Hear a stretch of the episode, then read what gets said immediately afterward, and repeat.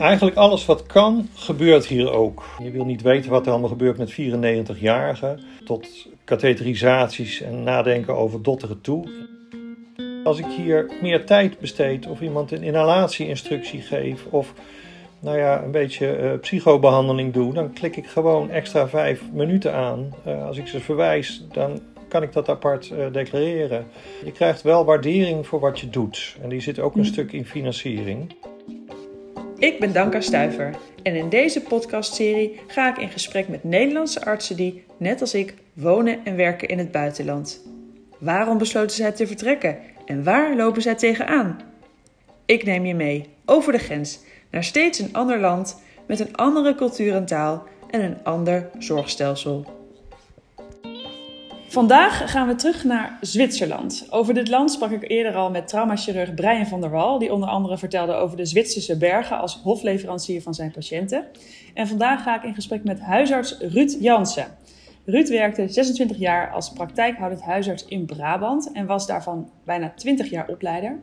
Nou, een jaar geleden besloot hij dat hij dat niet tot aan zijn pensioen wilde blijven doen, maar dat hij nog een sprong wilde wagen. Hij verkocht zijn huis, verliet de huisartspraktijk en vertrok samen met zijn partner naar Zwitserland om daar te gaan wonen en werken als huisarts. Ruud, welkom. Ja, hoi Danka. Fijn om hier te zijn. Hey, luister, je, bent 61 jaar oud. en je had een goedlopende praktijk in Brabant. Waarom dan toch deze ommezwaai? Ja, toen ik 60 werd, eh, begon ik toch eens een beetje om me heen te kijken en achterom te kijken en naar voren te kijken van ja, wil ik dit nog wel? Ik heb het eh, prima naar mijn zin gehad als huisarts in Nederland. De hele tijd eigen praktijk, groepspraktijk, goed lopend, uh, goede collega's, waar ik eigenlijk niet meer zomaar vanaf wil, een goed team.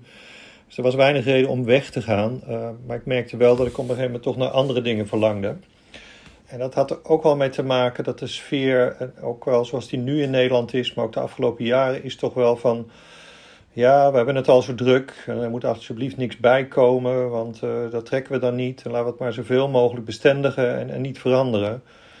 Terwijl ik eigenlijk ook in mijn hele carrière niet zozeer gepland, maar eigenlijk altijd veranderingen heb nagestreefd. En ja, opleiderschap, echografie, uh, scanarts, verandering in de praktijk, kleine dingen, grote dingen, bouw van een groot gezondheidscentrum. Eigenlijk allerlei dingen heb ik, nou, die kwamen op me weg en een aantal dingen daarvan heb ik gepakt.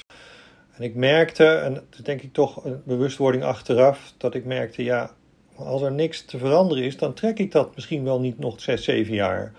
En dan word ik een oude zeur, uh, en dat wil ik helemaal niet. Ja, op een gegeven moment viel het kwartje bij mij. Ja, dan ga ik gewoon alles veranderen. Andere plek, andere uh, mensen en hoppakee, één keer in godsnaam en we zien het wel. Ja, dus meer van als je de situatie niet kan veranderen, dan, dan verander je jezelf maar. Ja, dat, dat gaf ook een heleboel energie om toch op een gegeven moment het besluit te nemen van... Nou, dan niet op deze manier verder, maar gewoon helemaal opnieuw beginnen. Met alle ervaring en alle bagage. Zo kan het ook. Waarom koos je toen voor, voor Zwitserland? Dat was een vrij kort traject. Ik heb nog even gedacht van, goh, misschien kan ik in een of andere land in een paar jaar heel veel geld verdienen. Uh, maar dat valt dan ook in de eerste lijn zorg wel erg mee of tegen. Ja, en toen ik eenmaal hoorde dat uh, het, het bijzondere land Zwitserland eigenlijk een enorm tekort heeft aan professionals in de zorg, ja, was dat uh, eigenlijk een, uh, makkelijk voor mij. Uiteindelijk had je wel acht verschillende opties om uit te kiezen, bijna. Hè? Want er is een enorme vraag naar huisartsen. Maar je ja. koos er uiteindelijk voor om te gaan werken in een dorpje, dat heet Meiringen, net voorbij ja. Interlaken. Um, een dorp met ongeveer 5000 inwoners op 600 meter hoogte. Kun je vertellen waarom je voor deze plek koos? We hebben in die week uh, in januari 7, 8 sollicitatiegesprekken gehad. Een stuk of zes daarvan via een tussenpartij die van alles geregeld had en contacten. En het zag er allemaal heel smooth uit. Aan de andere kant kwam ik dan ook terecht in een eigenlijk een vrij anonieme organisatie. Waarin je dan nou ja, een van de acht of een van de tachtig praktijken gedeeltelijk kon bezetten. Waarbij ik toch steeds hoorde dat er heel veel verloop was. Voor jou een paar anderen. En als je niet bevalt, dan ga je weer weg. En dat is toch niet wat, uh, wat ik wil. Het bijzondere is dat ik eigenlijk kort voordat die week vaststond, nog eens even op LinkedIn heb gezocht van, zijn er nou nog andere mogelijkheden? Ja, ook daar komt een rij aan mogelijkheden voorbij. En had ik eigenlijk heel snel contact met een huisarts in Meiringen die uitermate enthousiast was en is. Een Duitser die eigenlijk dezelfde stap, bijna hetzelfde traject vanuit Duitsland naar dit dorp gedaan heeft drie jaar geleden. En bijna het eerste wat hij zei is van, het gaat niet werken in een kort sollicitatiegesprek. Je moet gewoon een hele dag meelopen. En ja, mhm. daarmee heeft hij mij uh, van voor tot achter over de streep gehaald. Uh, daarin heb je, ja, voel je ook hoe het gaat, hoe het team werkt, hoe, hoe, hoe je mensen zijn hoe hij is. Extra was dat zijn vrouw mijn partner mee heeft genomen uh, de bergen in. Naar allerlei dorpjes uh, die we nog steeds niet bezocht hebben. En ja, zij stond op een gegeven moment bovenop de berg op, op meer dan 2000 meter. Met een waanzinnig uitzicht, wolkeloos. Uh, ja, de tranen sprongen er in de ogen van ja, hier, hier moet ik zijn. Ja. Zo'n andere wereld, zowel privé als ook qua werk. Ik heb het steeds een enorme uitdaging genoemd en ook een, een, een, sprong in het diepe. Maar uh, tot nog toe zijn we goed geland. Ja, want jij werkt dus nu in, in, in die praktijk. En vertel eens hoe jouw werkdagen eruit zien. Ik kom kwart voor acht en ik ga op een aantal dagen om twaalf uur, of ik ga sowieso om twaalf uur weer weg. Het kan wel eens tien over twaalf zijn, maar dan is het ook wel goed. En om twee uur kom ik weer naar de praktijk en dan ga ik van twee tot zes nog wat spreken doen ja, dat is toch ook eigenlijk wat heel veel Zwitsers doen. Als ze er zijn, dan werken ze hard. Maar ja, daarbuiten hebben ze ruime lunchpauzes. 1, 2 uur is heel normaal. Dan ben je ook echt weg, ben je ook gewoon niet uh, bereikbaar. En uh, om of 5 uur of 6 uur ga je naar huis en is het ook klaar. Ja, en, en jij hebt ongeveer 20 minuten per patiënt hè, voor een consult. Maar in die tijd, dat is een, een, toch een ander consult dan in Nederland. Hè? Dan moet je toch ook wel weer veel meer zelf doen. Nou ja, het eh, bijzondere is, en dat geldt voor heel veel praktijken in Zwitserland, ook in Duitsland, is dat uh, bloedprikken, laboratoriumbepalingen, een heel groot deel doet de praktijk zelf. ECG's, echografie doe ik zelf en eigenlijk bijna elke huisartspraktijk heeft een echoapparaat. High-end, een van de nieuwste apparaten, geen gezeur over kwaliteit en oude dingen. Dus dat is beschikbaar. Gaan ze ook vanuit dat er toch wel een flink aantal huisartsen dat doen. ECG's, longfuncties. En ja, we hebben ook uh, een, pand waarin röntgen kan, gewoon normale röntgenfoto's. Torxfoto's tot gebroken enkels. En ja, wij hebben de mazzel ook dat in hetzelfde pand is een uh, psycholoog, een chirurg, een kinderarts in een paar maanden, ook een Nederlandse. Uh, en wij hebben zelf een eigen apotheek. Dus je geeft een deel van de medicatie zelf aan de mensen mee. Ja, dat is wel heel breed. en dat is wel heel prettig. Je kunt eigenlijk een heleboel dingen zelf afwerken. In plaats van dat je moet wachten op een uitslag van een thoraxfoto of weet ik het wat eruit komt. In Nederland zou je misschien eerder verwijzen dan dat je in Zwitserland doet. Ja, dat scheelt natuurlijk ook omdat je op een berg zit. Dus uh, ja, Interlaken, dichtstbijzijnde ziekenhuis, dat is een streekziekenhuis. Ja, is geen groot ziekenhuis. Een heleboel dingen kunnen ze daar. Maar ja, dat is wel 30 kilometer verder. Dat is hier best normaal. Als ik wil verwijzen, zeurt er niemand. Dus uh, ik heb al heel wat gekke dingen voorbij zien komen. Maar acute dermatologie, als het al bestaat, mensen gaan gewoon naar de spoedeisende hulp. Uh, dus dat. Uh, Oké. Okay. maar ook andere mensen, oude, krakkemikkige mensen die niet meer uit hun bed kunnen komen. Als de hele familie zit te piepen en te zeuren, kun je ze op de nooddienst kwijt. En dan worden ze dan opgevangen. Nou ja, zo is het dan. Een aantal mensen komen naar mij toe voor een verwijzing. Nou, oké, prima. Een aantal mensen komen omdat ze al in het ziekenhuis geweest zijn. Dan moet ik de nazorg doen ja, mensen laten het ook toe dat ik gewoon een heleboel zelf doe. Ja, hartfalen instellen, diabetes instellen, zijn allemaal geen dingen die in de tweede lijn moeten gebeuren. En dat is ook wel prettig. Een ander verschil uh, voor jou, want je was natuurlijk praktijkhoudend huisarts in Nederland, is dat je nu in loondienst bent, ja. maar wel een zekere omzet moet draaien om voldoende inkomen te, te vergaren. Dat, dat is wel een meer prikkelgestuurde manier van werken, lijkt me. Is, is dat niet heel erg wennen? Nou, het, het geeft ook voor mij ook wel wat meer gevoel van ja, ik doe het ook ergens voor. Het gemopper, en ik ben het helemaal mee eens dat je als huis dat je helemaal de blubber werkt voor een consult of een dubbelconsult van 20 euro en natuurlijk en je inschrijfgeld in Nederland. Ja, dat is wel een hele lastige. Uh, terwijl als ik hier meer tijd besteed of iemand een inhalatieinstructie geef of nou ja, een beetje uh, psychobehandeling doe, dan klik ik gewoon extra vijf minuten aan. Uh, als ik ze verwijs, dan kan ik dat apart uh, declareren. je krijgt wel waardering voor wat je doet. En die zit ook een mm. stuk in financiering. ik vind het niet verkeerd en ik heb niet de neiging om daarvan te profiteren en dingen op te schrijven die ik niet doe. Maar alles wat je doet, krijg je dan toch ja, financieel ook terug. Sowieso is een noodgeval, krijg je een bepaald bedrag voor. Dus uh, als iemand binnenkomt en zegt van ik heb ontzettend dit of dat, dan krijg je gewoon 50 frank extra, 50 euro zo'n beetje.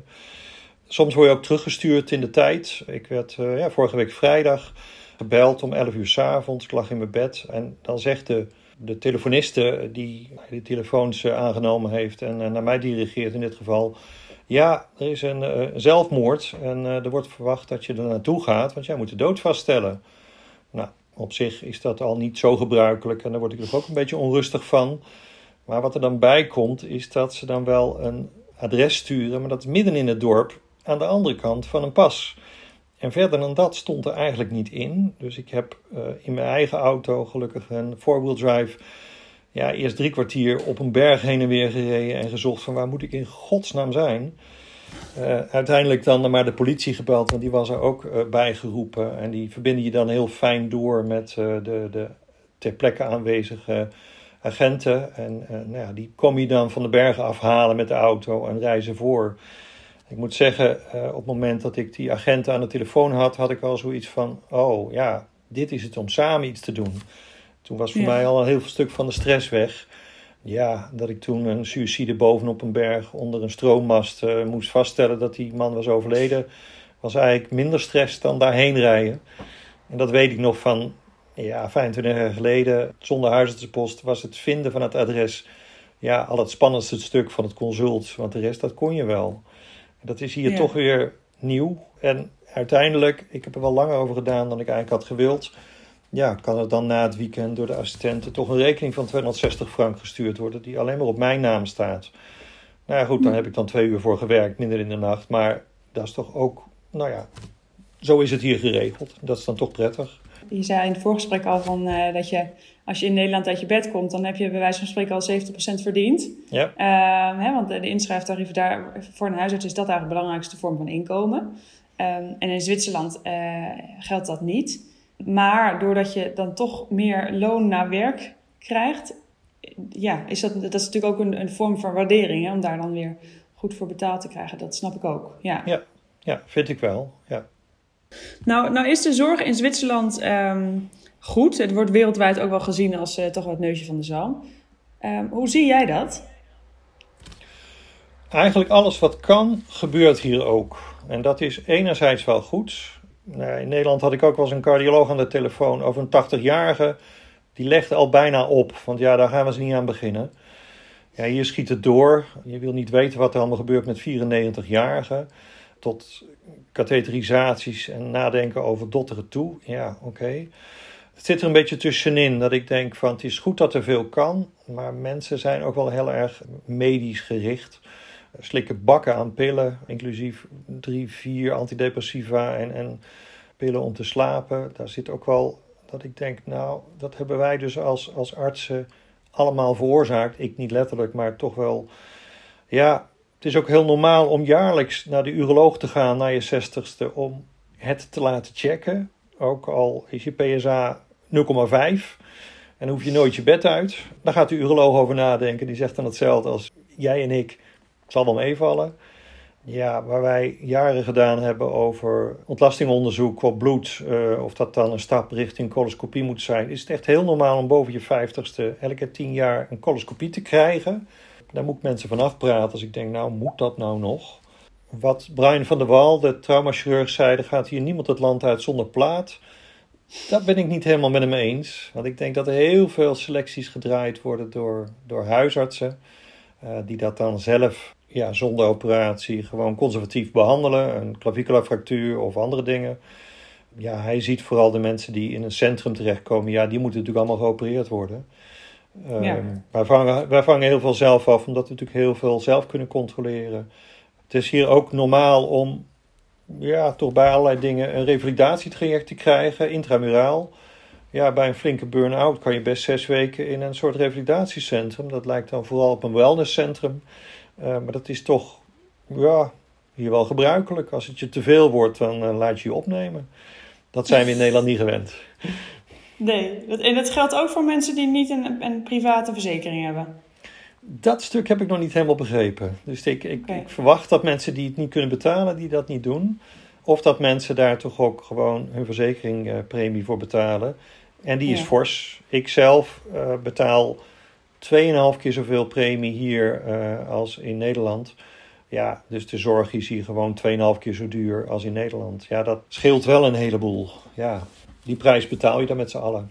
Ja, er kan veel, hè? Um, dat, zei je, dat zei je ook al eerder. De, de, qua medisch-technische um, niveau is het heel goed.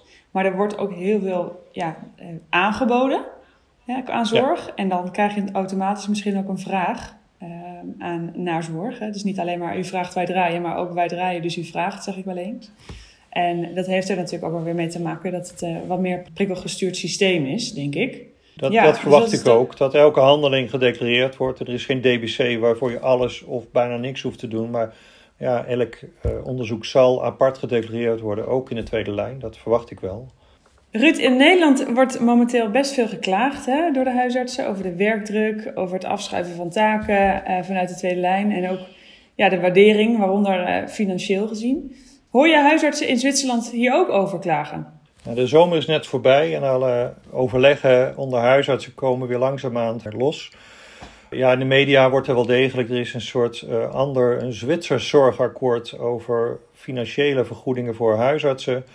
Dat is recent door de politiek afgeschoten om allerlei redenen. En daar zijn de, de huisartsen uh, toch wel erg ontevreden over, omdat ze ook wel merken dat ja, de vergoedingen voor ons toch ook wel krap zijn. Althans, dat is de inschatting van anderen. Um, daar zal wel een vervolg aan komen, uh, maar het, het, voelt toch minder dramatisch dan het op het ogenblik in Nederland is met het uh, zorgakkoord, wat er wel of niet komt.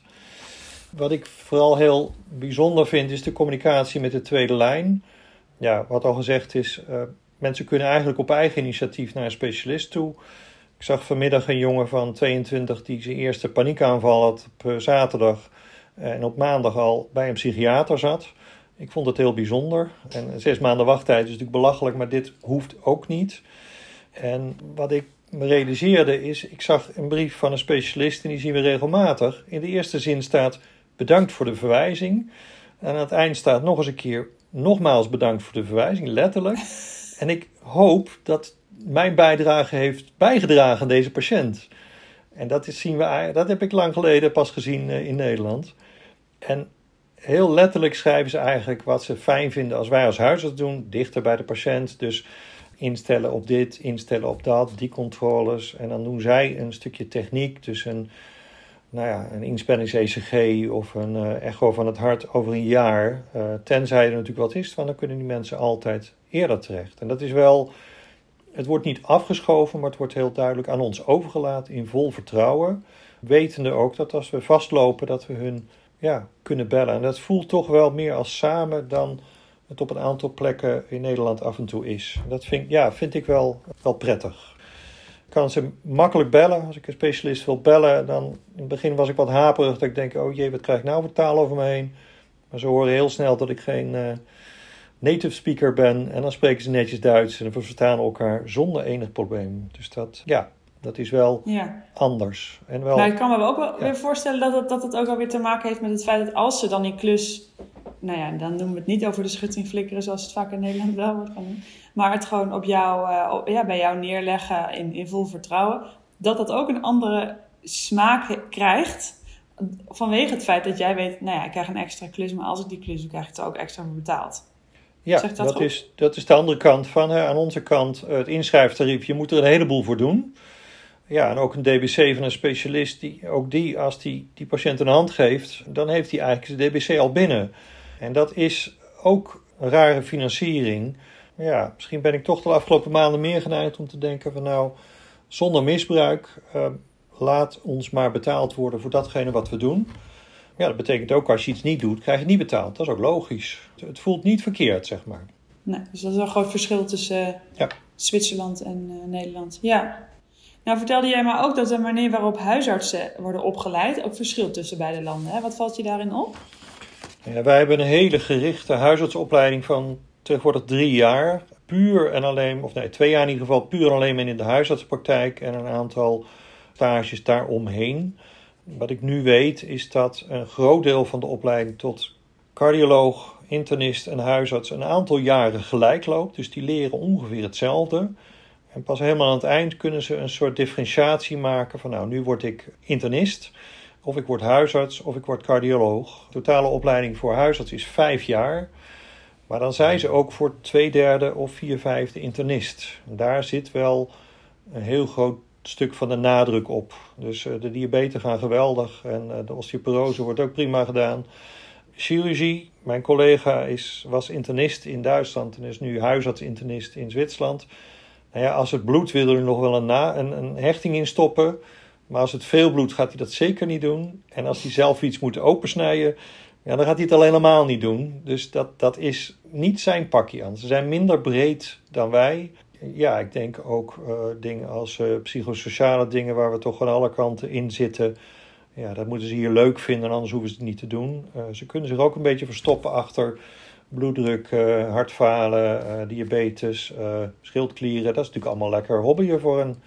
Internist. Minder breed dan hier en je moet, het dan, je, moet je eigen invulling daarin geven. Uh, terwijl dat bij ons gewoon ingebakken is in de opleiding. Als je dat niet wil of kan, ja, dan moet je heel duidelijk geen huisarts worden. Dat, uh... Nee, precies. Nee. En, en bijvoorbeeld als je dan... We hebben natuurlijk ook altijd een stukje van de kleinere vakken. Dus wat, wat, wat KNO, uh, eh, oogheelkunde, heb je als huisarts in Nederland ook. Ja. Wat, wat gebeurt daar dan mee in Zwitserland? KNO zit bijvoorbeeld onze ervaring zit heel veel in kinderen. Veel minder in volwassenen. En kinderen gaan naar de kinderarts. Dus oh een Zwitserse huisarts ziet heel weinig KNO, omdat hij eigenlijk nauwelijks kinderen ziet. Dus die vindt dat al heel snel eng. Ja, mijn collega, dat is een Russische huisarts, die 20 jaar in Duitsland gezeten heeft, die doet dan KNO extra. Maar ik denk dat ik het beter kan en doe dan hij, want wat hij doet is heel normaal voor ons. Maar dat is voor een Zwitserse huisarts niet normaal. Ja, er zitten nuanceverschillen in. Oké. Okay. Ehm, nou, in Zwitserland is, is een nou ja, vrij duur land om te wonen. Hè? Dus als je als windsport gaat, dan weet je al dat je ja. kwijt bent als je een bord pasta bestelt op de piste. Um, dus de cost of living, het gaat niet voor alles, maar weet je, gemiddeld gezien ligt zo'n 30% hoger dan in Nederland. Is jouw inkomen, we hadden het net al over dat het op een andere manier gebaseerd wordt, maar is die nou ook hoger dan dat hij in Nederland was? Mijn bruto salaris is ongeveer hetzelfde als mijn omzet in het verleden was. Uh, in Nederland. Maar daar ging natuurlijk al heel snel een bak aan 50% belasting vanaf. En een pensioenfonds en nog meer dingen. De BTW is hier uh, nog geen 8%, dus dat is al bizar weinig. Ik betaal een inkomstenbelasting 28%. Dat is toch wat anders dan 50 of 52%.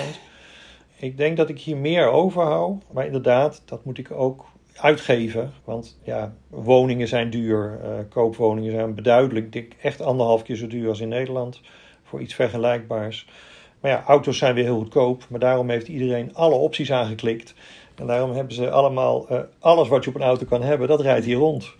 Dus, uh, maar ik denk dat ik hier een hoger inkomen heb dan in Nederland waar dan mijn pensioen al af is en, en dat soort dingen. Maar ik zal het ook moeten uitgeven aan een land wat 30% duurder is dan in Nederland. Dus ik denk dat ik kiet speel. Nou, nu zijn jullie naar Zwitserland verhuisd, eh, ook vanwege de prachtige natuur. Eh, dus ik ben wel benieuwd, wat, wat doen jullie eh, als, je, als je vrij bent? Nou ja, het is nog vrij nieuw met een paar maanden. We hebben eigenlijk alleen de zomer gehad. Vanaf vandaag is het herfst zo te zien. Ja, en alleen al op het balkon rondlopen. We hebben 180 graden ehm, bergen uh, aan, aan de zuidkant. Ja, dat is eigenlijk elk kwartier, elke vijf minuten al anders. Met, met een andere lichtinval. Met, elke paar weken zie je weer wat nieuws in de bergen wat je nog niet gezien hebt. En dan moet het nog gaan sneeuwen. Dus ik ben erg benieuwd hoe het dan is. Ja, fietsen, mountainbike, uh, racefiets is heel geweldig hier. Ik heb inmiddels een e-bike, een nieuw mountainbike besteld, omdat de bergen soms 15% eh, stijgen. En dat vind ik toch te moeilijk. Uh, die komt er binnenkort aan. En we zijn zeker van plan om in de winter. En dan kunnen we gewoon op een vrije middag gaan langlaufen, gaan skiën. Openbaar vervoer is hier geweldig. Op 500 meter afstand is het treinstation. We kunnen heel Zwitserland door en dat is heel fijn. Ja, Zwitsers zijn op vrije dagen, maar zeker in het weekend, gewoon buiten. Zijn ze de bergen in met het hele gezin. Ook kinderen van 4, 5 zie je gewoon op de wandelpaden, ook door het bos wandelen. En ze piepen niet. Althans, ik heb ze nog niet gehoord. Dus. Mooi.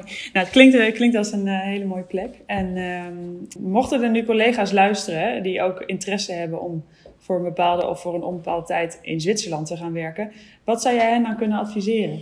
Het is logisch om wat meer tijd te nemen. Uh, van ons, vanaf ons eerste plan totdat we hier landen kost, was een half jaar. Dat is wel bizar kort. Maar in die tijd kun je het in Zwitserland ook regelen. Dat is niet extreem moeilijk. Je ziet soms belachelijke wachttijden. Maar elke stap bij de officials in Zwitserland kost zes weken. Je stuurt wat op. En dan is na zes weken je arts, artsdiploma akkoord verklaard. Zes weken later je huisartsdiploma. Dan moet je per kanton ook nog zorgen dat je een werkvergunning hebt en een uh, taalniveau hebt wat, wat haalbaar is. Maar goed, al die stappen kosten een aantal weken en dan is het goed te regelen. Mijn ervaring is dat een recruiter, en er zijn er een paar in Nederland die ook contact hebben in Zwitserland, wel erg prettig is om wat dingen voor je uit te zoeken.